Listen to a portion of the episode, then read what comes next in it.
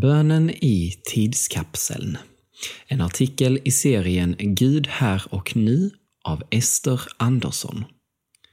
I våras öppnade jag ett brev från en tidskapsel som jag hade skrivit på min ungdomsgrupp. Alltså ett brev man skriver till sig själv för att öppna längre fram i tiden. Det som stod högst upp i brevet var Gud, jag tror jag håller på att bli bitter. Och oj, vad jag och mina vänner har skrattat åt det. Vilken 15-åring säger en så? Bitter. Men när jag tänker efter så var det verkligen så det var. Jag hade en period när jag hade mycket jobbiga tankar, var negativ och trött på livet och höll helt enkelt på att bli riktigt bitter. Jag minns att jag bad en del för det.